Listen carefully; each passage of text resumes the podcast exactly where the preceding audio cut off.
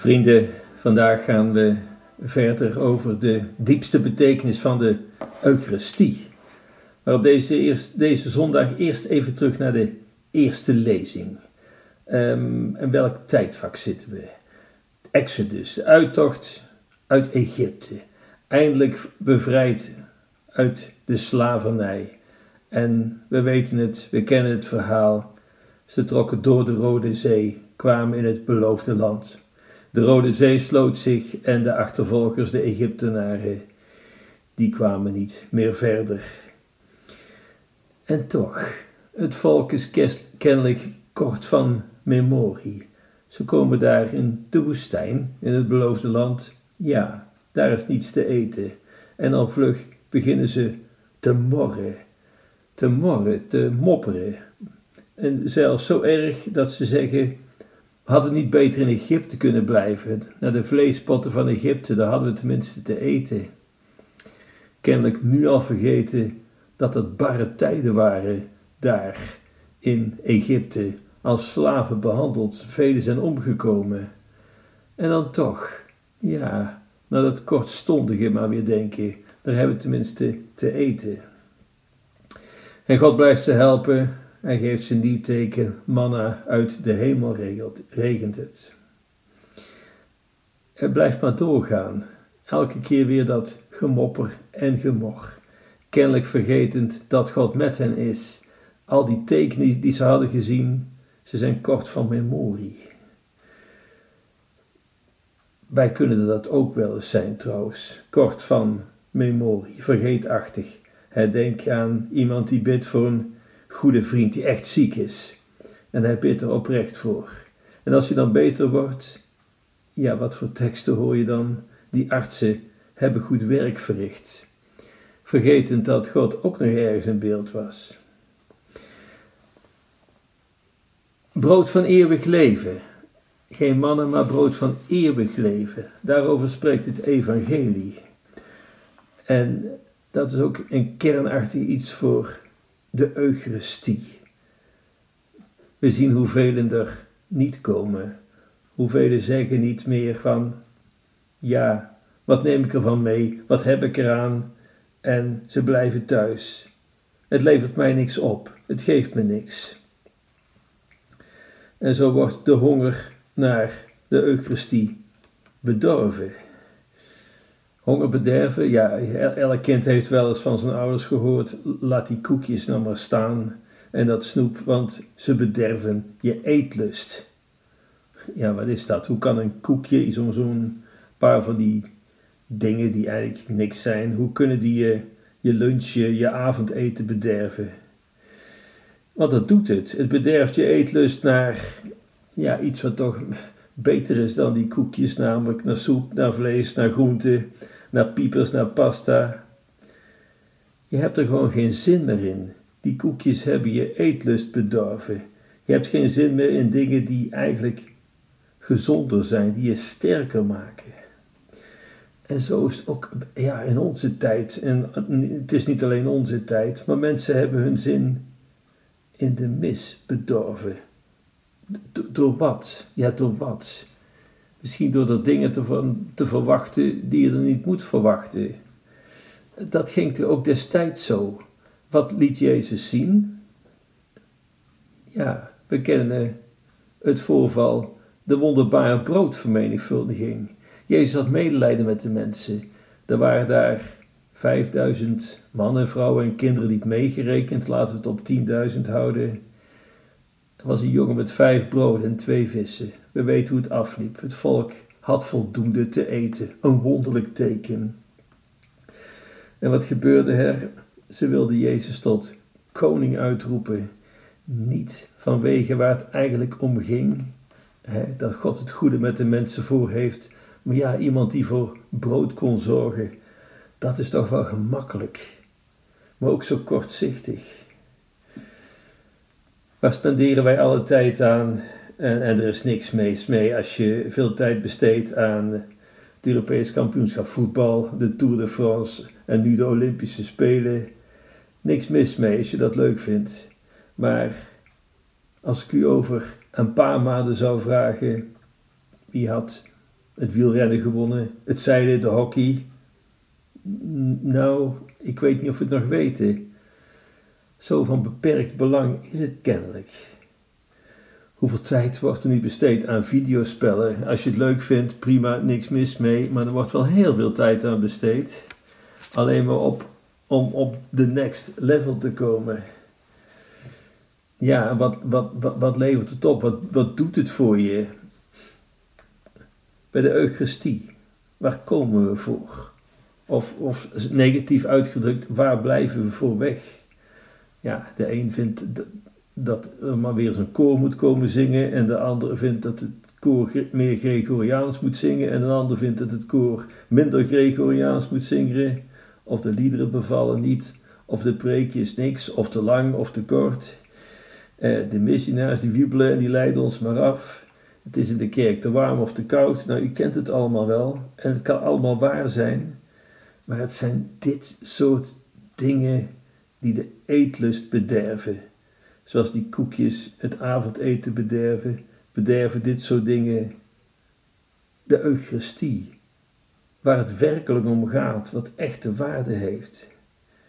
Als koekjes niet het echte voedsel zijn dat je nodig hebt, maar dat is meer die maaltijd. Zo is het ook met de Eucharistie. Het zijn niet die dingetjes die ik net noemde, maar Christus zelf die aanwezig is. Christus zelf Even een verhaaltje.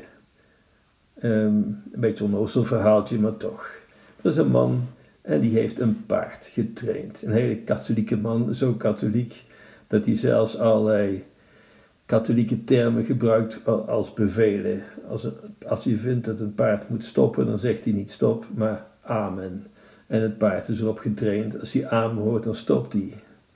En als een paard door moet lopen, als hij weer moet gaan, hij heeft geleerd, als er dank geroepen wordt, dan loop ik weer verder. Enfin, het paard wordt verkocht. De, de verkoper legt uit, ja, naar welke commando's hij luistert en wat hij dan doet. De koper vindt het maar niks. En hij denkt, wat een onzin allemaal. Ondertussen bereidt hij het paard en zowaar het slaat op hol en wel richting een ravijn en de man krijgt dat paard maar niet gestopt. Hij roept stop, stop en hij trekt aan de teugels, niks gebeurt. Uiteindelijk roept hij dan toch maar amen. En zowaar het paard stopt. Waardoor de man de kreet slaakt, God zij dank. Ja, en dan weet hij hoe het afloopt. Oké, waarom vertel ik deze flauwekul? Eigenlijk omdat wij willen dat God doet wat wij eigenlijk zouden willen wat God doet. die man met dat paard die dacht, nee, ik wil het anders, maar zo zat het niet in elkaar. Wij willen eigenlijk dat God doet wat wij eigenlijk zouden willen wat hij doet. Ze, ze, riepen hem uit tot broodkoning. Wat wilden ze? Ja, dat hij voor brood zorgde, maar niet dat hij mensen oproept tot bekering. Nee, dat, dat vonden ze maar niks, daar hadden ze geen oren naar. Maar iemand die voor brood zorgt, die zieken geneest, dat vonden ze wel makkelijk. God naar ons beeld en gelijkenis maken. Maar het moet natuurlijk andersom. nog even terug naar de eerste lezing van vandaag, de uittocht uit Egypte, eindelijk vrij. En in plaats van, God zij dank, kijk eens naar Gods tekenen, kijk eens wat hij van ons vraagt, beginnen ze te klagen over alles, over dingen over die ze eigenlijk allemaal maar graag wilden hebben. En dat was eten, dat was drinken en het liefst zonder er iets voor te doen. Hé hey God, luister eens naar ons. En God, zo waar, hij, hij doet het vaak nog ook. Hij laat het brood regenen, manna. Hij laat kwartels regenen, zodat ze de eten, vlees te eten hebben. En toch, het was elke keer weer niet goed. Even verder naar het evangelie van vandaag. We op een gegeven moment zeggen tegen Jezus, wat doet gij eigenlijk? Nou, wat doet gij eigenlijk? Hij had 10.000 mensen te eten gegeven. Maar de vraag is eigenlijk aan ons, wat hebben jullie gedaan? Jezus vraagt iets van mensen. Hij helpt ze zeker, maar hij vraagt ook iets van ons. Hij wil niet de bon vivant uithangen. Nee, hij wil mensen oproepen tot bekering. En de mensen maken zich eigenlijk alleen maar zorgen of hun wensen wel vervuld worden. Nogmaals, daarom wilden ze Jezus tot koning uitroepen. Waarom? Nogmaals, het was wel gemakkelijk. Maar Jezus leert ze iets heel anders. Ik, ik ben het levende brood, dus ik ben het brood des levens. Ik. En dan verwijst hij naar zichzelf en dan verwijst hij naar zijn manier van doen, zijn manier van denken, zijn manier van opgaan, omgaan met mensen. Ik ben het brood des levens. En alsjeblieft, maak er niet iets anders van. Nee, ik heb het niet over een symbool. Jezus is daar zo extreem duidelijk in. Zeker, Jezus spreekt soms in parabels om iets duidelijk te maken, maar hier zegt hij het zo duidelijk. We zien het in het hele zesde hoofdstuk van het Johannesevangelie. Wie mijn vlees eet, die heeft het ware leven in zich. Dat is echt voedsel. Wie mijn bloed drinkt, ja, dat is ware drank. En zo heb je God in je. De mensen stonden dat tegen en ze liepen weg. Wie kan dit nog horen? En als het symbolisch bedoeld was, dan had Jezus makkelijk kunnen zeggen: Ja, maar wacht eens even, ik bedoel het niet letterlijk, maar dat bedoelde hij wel. Wilt ook jij soms heen gaan? Ja, naar wie zouden we anders gaan, zegt Petrus dan. Waarom? Waarom is dit nodig? Kijk, het is niet symbolisch. Het is, dat is echt onzin. Als het symbolisch was, waarom zou Jezus dit soort dingen zeggen? Het zou nergens op slaan. Maak er niet iets anders van. Waarom hebben we dit nodig? Om te kunnen doen wat Hij van ons vraagt, om te kunnen doen waartoe we bestemd zijn. En dat is heel anders dan wat we er nu van maken.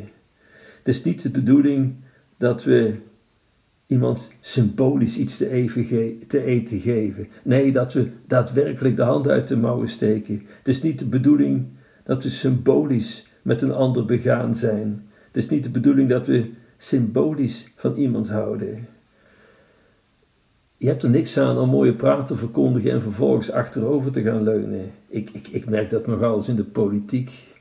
Als er een vluchteling aan je deur staat, dan is een politicus nogal makkelijk geneigd te zeggen: Beste man, ga met me mee naar het gemeentehuis.